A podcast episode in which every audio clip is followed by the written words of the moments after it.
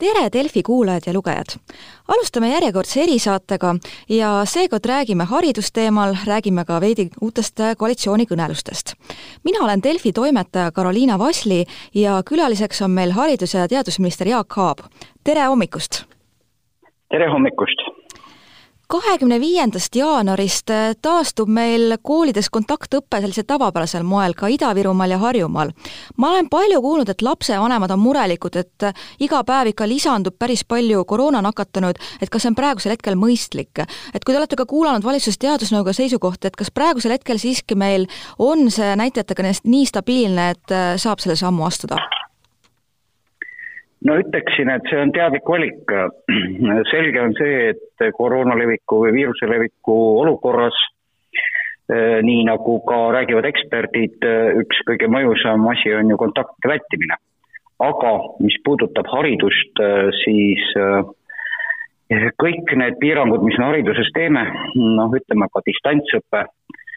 jätab siiski lüngad äh, laste teadmisse ja, ja see tähendab, et äh, need lüngad ju kuhjuvad ja, ja see on, ütleme siis pikas perspektiivis väga kahjulik. ja sellepärast ka Teadusnõukoda on alati soovitanud, et võimalikult vähe teha piiranguid koolide suhtes ja pigem teha piiranguid teistes valdkondades ja me oleme sellest äh, nende ettepanekust ja nende soovitustest ka lähtunud. ja Teadusnõukoda selgelt ka soovitas avada Harjumaal ja Ida-Virumaal kontaktõppeks koolid aga ka edaspidi, et ka varem on see öeldud, mis on siis sütikuks, et äh, jälle minna distantsõppe peale, et kui peaks neid nakatumisi, et on ministeeriumis ka läbi mõeldud, et mida jälgida, mis oleks need näitajad, et võib-olla tuleb natuke tagasi tõmmata? Ma arvan, et eks seda tulebki ikkagi otsustada selle olukorra järgi, et meil on ju küllaltki head andmed, meil on andmed üle Eesti, kus on kolded, kus tekivad sellised viirusepuhangud, noh, nii nagu ka oli ju, et Harjumaal, Ida-Virumaal ikkagi see nakatumiste tase oli kaks korda kõrgem vähemalt muude maakondade keskmisest ja sellepärast Harjumaal, Ida-Virumaal need piirangud olid ja ma siiralt usun, mida arvab ka Teadusnõukoda, et need piirangud tegelikult äh, omasid oma efekti, meil ei toimunud äh, viiruse plahvatuslikku kiirenemist või levimist ja nad olid omal kohal. aga nüüd siit edasi, eks tuleb jälgida olukorda, aga ma arvan, et me peaksime tegema siiski kõik selleks, et see kontaktõpe saaks toimuda ja tegelikult on ju koolipidajad ja regionaalsed kriisikomisjonid jälgivad olukorda ja neil on õigus teha ettepanekuid, ma nägin, et Narva soovis minna distantsõppele ja Terviseamet oli ka sellega nõus, et ikkagi need kohad, kus ütleme siis mitte maakonna järgi, vaid kas või omavalitsuse kooli järgi või siis ka sügisel klassi kaupa, juhul kui nakatunuid on, saadeti nad distantsõppele see kahjustab siiski seda õpitulemust vähem, kui me lausaliselt kõik distantsõppele paneme. nii et siin on omad kaalutlused, ega ei ole musta-valga lahe-, musta ja valget lahendust, et üks on hea ja teine on halb. kõiki asjaolusid peab väga tõsiselt kaaluma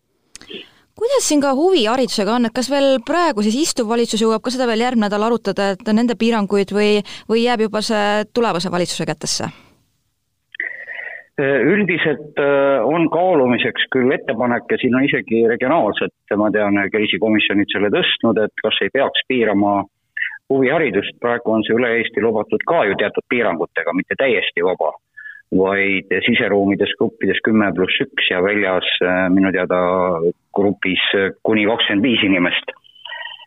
Kindlasti seda tuleb kaaluda ja, ja jälle kuulame Teadusnõukoda kes selle otsuse teeb, on raske praeguses situatsioonis öelda. ma ju ei tea, millal uus valitsus astub ametisse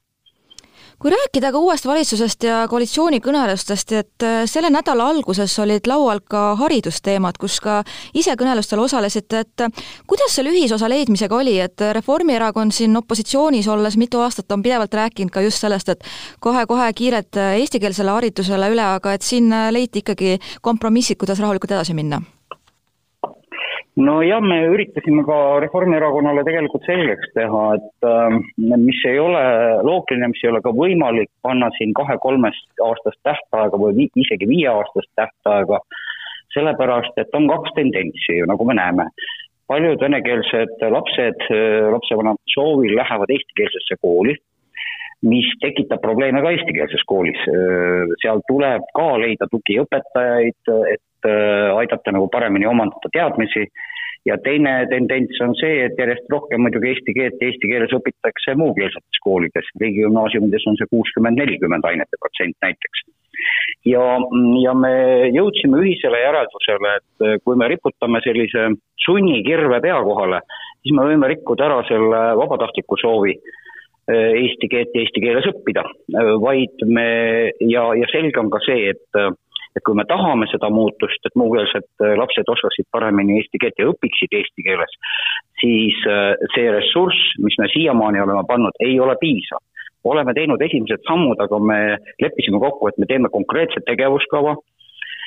kuidas siis kaasata lisaõpetajaid, materjalid, metoodika ja sinna tulevad ka rahanumbrid äh, järele. Et me leppisime kokku, et me oleme nõus rohkem panustama ja siis me suudame seda protsessi ka kiirendada. aga lõputähtaega üleminekul ei oska keegi tegelikult täpselt öelda. kui poliitikud tahavad selle välja öelda, võivad nad sellega ainult pahandust tekitada aga jah, praegusel siis noh, tegelikult äh, tulevasel valitsusel on aega siin kahe aasta kanti, et kas sellega jõuab midagi ära teha, ma saan aru, et praegu oli eesmärk see, et just seda alusharidust, et äh, lasteaedades äh, võib-olla juurutada sellist eestikeelset tööprotsessi? jah, ka juba viimase paari aastaga on tegelikult riik suunanud vahendeid ja on võetud tööle sada Äh, eestikeelset õpetajat lasteaedadesse, see on eraldi programm, kus siis äh, lasteaiad, kohalikud omavalitsused saavad seda taotleda, ka sel aastal lisandub veel viiskümmend õpetajat, äh, alustatakse ka põhikoolides, muukeelsetesse koolidesse eestikeelsete õpetajate ja eesti keele õpetajate värbamist, see on alles alguses nii et kui me vaatame, kuidas see tempo on läinud ja arvestame, kuidas me tahaksime jõuda siis kogu lasteaias või kogu põhikoolis, see kindlasti võtab aega. küll aga me oleme otsustanud seda protsessi selgelt tugevdada, lisaressursse sinna panna, aga unistus, et see juhtub üle kahe aastaga või viie aastaga, ei ole reaalne tegelikult on ju sellest äh, räägitud siin aastakümneid, et mille taha see teie hinnangul ikkagi jääb, et kas sealt venekeelsel kogukonnal ikkagi on soov ka, et nad saaks oma emakeeles vähemasti teatud määral hariduse kätte? no kindlasti äh, see emakeel jääb nii või teisiti, et on äh, noh, isegi seadustes, määrustes on kirjas, et vähemusrahvuse esindaja peab saama ka oma keelt õppida. me õpetame ju siin ka teiste rahvuste lapsi näiteks äh, meie Euroopa koolis või teistes sellistes koolides. Ma arvan, et üks äh, oluline sõnum ka venekeelsele kogukonnale on see, et kui vene keele laps tuleb Eesti kooli, siis ta saab seal süvendatud korras vene keelt ja vene kultuuri aluseid äh, õppida. ka see võtab palju hirme võib-olla ja, ja sellist, sellist vastuseisu vähemaks, nii et kindlasti peab sellele ka rohkem tähelepanu pöörama. aga need tegevused tuleb panna ritta, ajalised, rahalised ja tegelikult on Haridusministeerium, ega see ei ole ju nüüd üleöö välja mõeldud. meil on võetud vastu arengukavad, nii keele arengukava kui hariduse arengukava, tähendab, nad on küll Riigikogus lugemisel veel, aga seal on tegelikult kirjeldatud need tegevused, millega me saame edasi liikuda, küll on sinna raha juurde vaja, see on selge kui rääkida siin äh, rahast, siis äh, viimastel kuudel õpetajad on ka jälle õnnetud, et äh, sooviks lisatasu ja ma mäletan, et kui te astusite ametisse haridusministrina, te ütlesite ka, et eesmärgiks on see, et õpetajate palgad tõuseksid. aga arvestades ka riigi sellist rahalist seisu, et kui realistlik on see nüüd sel aastal või järgmisel aastal? me oleme ka nüüd koalitsioonikõneluste käigus ikkagi väga, mm, kuidas siis on, väga süvenenult hinnanud rahanumbreid see, mis on eelarves, milline on tasakaal, millised väljakutsed on ees ootamas ja, ja kahjuks ei ole ju võimalik väga täpselt prognoosida praegu äh, ei seda, kuidas majandusel läheb ega kuidas ka maksud laekuvad. praegune seis, äh, vähemalt Rahandusministeeriumi hinnangul on parem veidi, kui ta oli sügisel. nii et lähtudes sellest, me kevadel kindlasti palkade teemat arutame ja küsimus ei ole ainult õpetajate või kultuuritöötajate palkades, ka need palgagrupid või, või, või töögrupid, mis on maha jäänud ja kes on siin ka koroona ajal tegelikult eesliinil olnud, on ka tervishoiutöötajate palgatõusust vaja rääkida, politseinike, päästjate palgatõusust, et see ei saa olla ühekaupa küsimuste lahendamine. aga kindlasti on üks minu prioriteet õpetajate palgatõus, ükskõik mis ametis ma siis olen või ei ole kui ka kuulata praegu koalitsiooni sõnumeid, väga palju on juttu just, et eesmärgid, tegevuskavad ja vahepeal on ka räägitud, kas see on selline nii-öelda vahevalitsus või, või ikkagi läheb ka reaalseteks suuremateks otsusteks, et noh, nii palju, kui siin koroonakriisi ja ilmselt ka selle tagajärgede ajal võimalik on, et mis teie arvate? Eh, no miks ei ole seal väga täpselt eh, öeldud, et vot eh, see tegevus ja nii palju raha, ma juba selgitasin, et kogu aeg olukord muutub ja kindlasti, kui me hakkame koostama riigieelarve strateegiat aprillis, siis on juba, jälle me oleme veidi targemad. et väga kaugele ulatuvaid ja suuri otsuseid on keeruline teha. ja kindlasti on üks ja peamine ülesanne, mis selle valitsuse ees seisab, ikkagi tegeleda kriisiga. nii tervishoiu koha pealt kui ka majanduse koha pealt. ja küll me leppisime kindlalt kokku, et me peame leidma vahendeid majanduse elavdamiseks veelgi et see, mis on tehtud nüüd ka viimase valitsuse poolt, see peab kindlasti jätkuma, otsime neid nutikaid kohti, kuidas majandusele nagu hoogu juurde anda. Ja siis me saame rääkida ka suurematest maksudest, eh, suurematest maksulaekumistest, eks ju, ja, ja, ja ka võimalustest eh, kas palku tõsta või kuskile mujale veel raha panna. Mm, mis te seal suuremate maksude all silmas pidasite, praegu oli juttu ju, et eh, maksu maksu, maksu, suurematest maksulaekumistest, vabandust et, et ma ei mõelnud, sest maksude suhtes me otsustasime ära, no me teame ju, et Reformierakonnal on olnud soov ja ta on kogu aeg rääkinud, et viissada mm, maksuvaba tulu kõigile, meie oleme öelnud, et eks see aitab rohkem neid inimesi, kelle sissetulekud on suuremad, sest praegune süsteem soosib maksuvabastuse suhtes madalamapalgalisi nii et eh, kokkulepet ei ole ja see on ka väga kallis, mis me siis ütlesime ja ega meie siis räägime endiselt astmelisest tulumaksust. Eh, ja panime ka selle lauale, arutasime need küsimused läbi, vaatasime, vaatasime, mis palju maksab. ei ole võimalik praegu selliseid otsuseid teha ja sellepärast otsustati, et maksurahu kriisiolukorras on ehk parim lahendus kõrvalt nagu tundub, et see natuke tuleb rohkem Keskerakonna nägu valitsus, et ikkagi jääb maksusüsteem jääb püsima, mis on Keskerakonna algatus olnud, et tõesti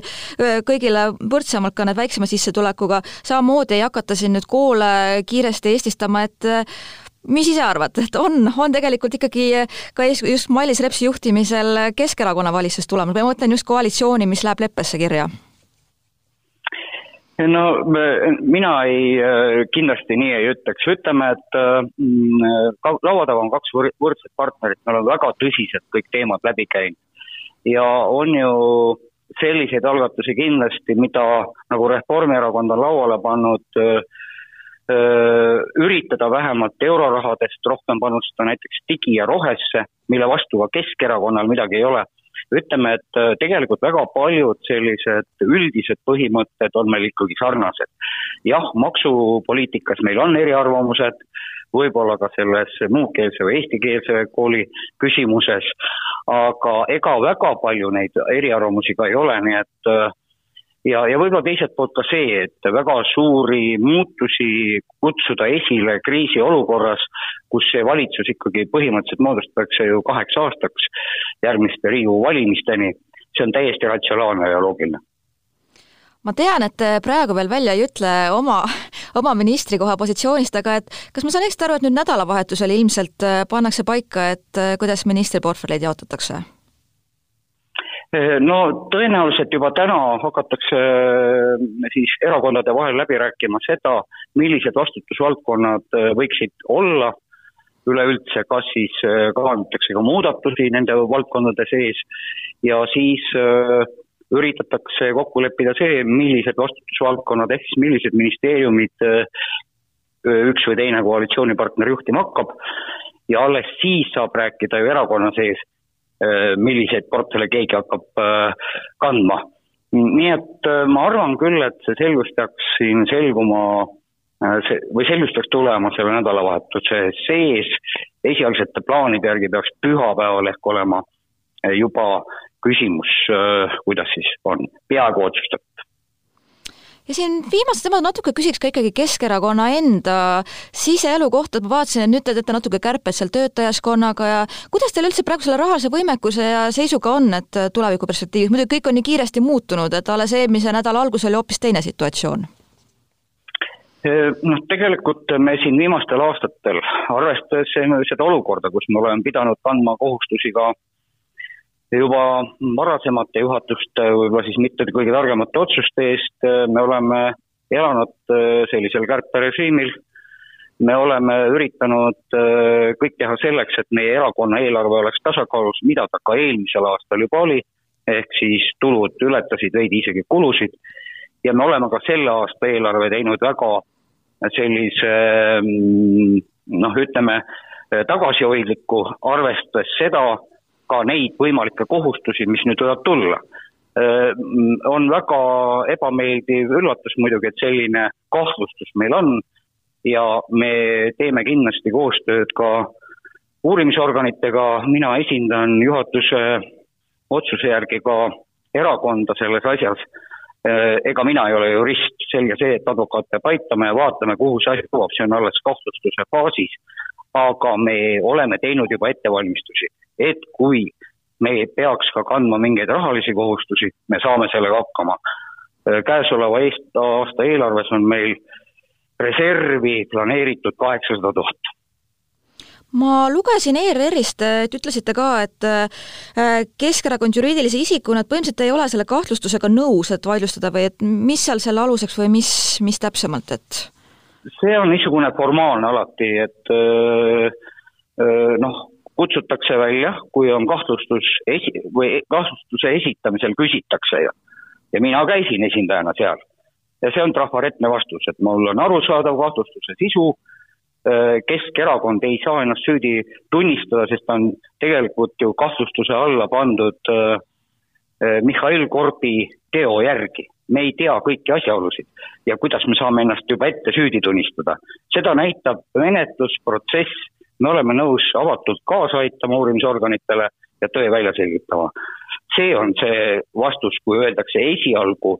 süüdi ei tunnista, sest ei ole ju kogu menetlus läbi käinud, ei ole kogu uurimine läbi käinud, alles siis saab näha, mis on tõsi. Kas see praegune olukord ka natuke näitab, et ikkagi erakonna see enda sees on ka natuke läbipaistvust liiga vähe või kui seal peasekretär kõrvalt vähemalt noh, kahtlustuse kohaselt tegeleb selliste asjadega, et et midagi nagu ka võib-olla erakonna sees ümber mõelda ja vaadata, et ikkagi teataks, mida tehakse ja ikkagi ütleme, seadus, seaduskuulekuse põhimõttel no ütleme siis nii jah, et äh, see erakonna rahaasjade, eriti, eriti noh, kui me räägime niisugusest annetust, et see on nagu traditsiooniliselt olnud peasekretäri roll. ja, mm, ja me oleme ka omavahel rääkinud, me oleme kindlalt otsustanud ja, ja ütleme niimoodi, et juhatuses on rangelt otsustatud, et äh, mingisuguseid äh, ütleme siis niimoodi, võimalikultki halli varjundiga annetusi me küsima ei lähe Äh, keegi ei oska öelda, mis selle annetuse kohta lõpuks otsustatakse ja kindlasti me täpsustame ka järelevalvet selle suhtes. et äh, tõenäoliselt äh, selle eest saab olema vastutama kas siis finantskomisjon koos peasekretäriga, et juhatus peaks suurendama siin oma rolli kindlasti ja see on meil nagu põhimõtteliselt kokku lepitud kui kaugel üldse uue peasekretäri määramine ja otsingud on, et saab see ka lähiajal palka, paika? Äh, jah, esimees on öelnud, et ta sooviks selle saada võimalikult kiiresti, sest äh, noh, erakond vajab juhtimist ja peasekretär on nii-öelda tegevdirektor. et äh, ilma peasekretärita on keeruline asju ajada, meil on suur organisatsioon, meil on maakondades organisatsioonid, omavalitsustes organisatsioonid, kogu selle töö juhtimine, arvestades ka seda, et jälle on valimiste aasta, mida kiiremini see ära otsustada saab, seda parem on. Ja esimees lubas lähipäevadel selle ettepaneku teha. Ja viimase küsimusena ma tegelikult küsiski, et kui kindel üldse Keskerakond siin äh, kohalike valimiste eel on, et äh, mis sa arvad, et kui praegu mõelda, et kas suudetakse ka Tallinnas ikkagi ainuvõim jätta või vähemasti sellele ligilähedale? Äh, meie eesmärk on, see on niisugune jälle kohvipaksu pealt prognoosimine, samas noh, meie organisatsioon on tugev on tugev ka paljudes omavalitsustes, meil on väga tublid inimesed seal ja ma usun, et me teeme hea tulemuse. Öelda ette, kas me lähme igal pool võitma, on praegu keeruline. aga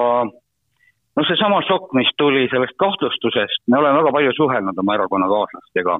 väga paljud erakonnakaaslased on liikmemaksudega toetanud erakonda nende viimastel päevadel.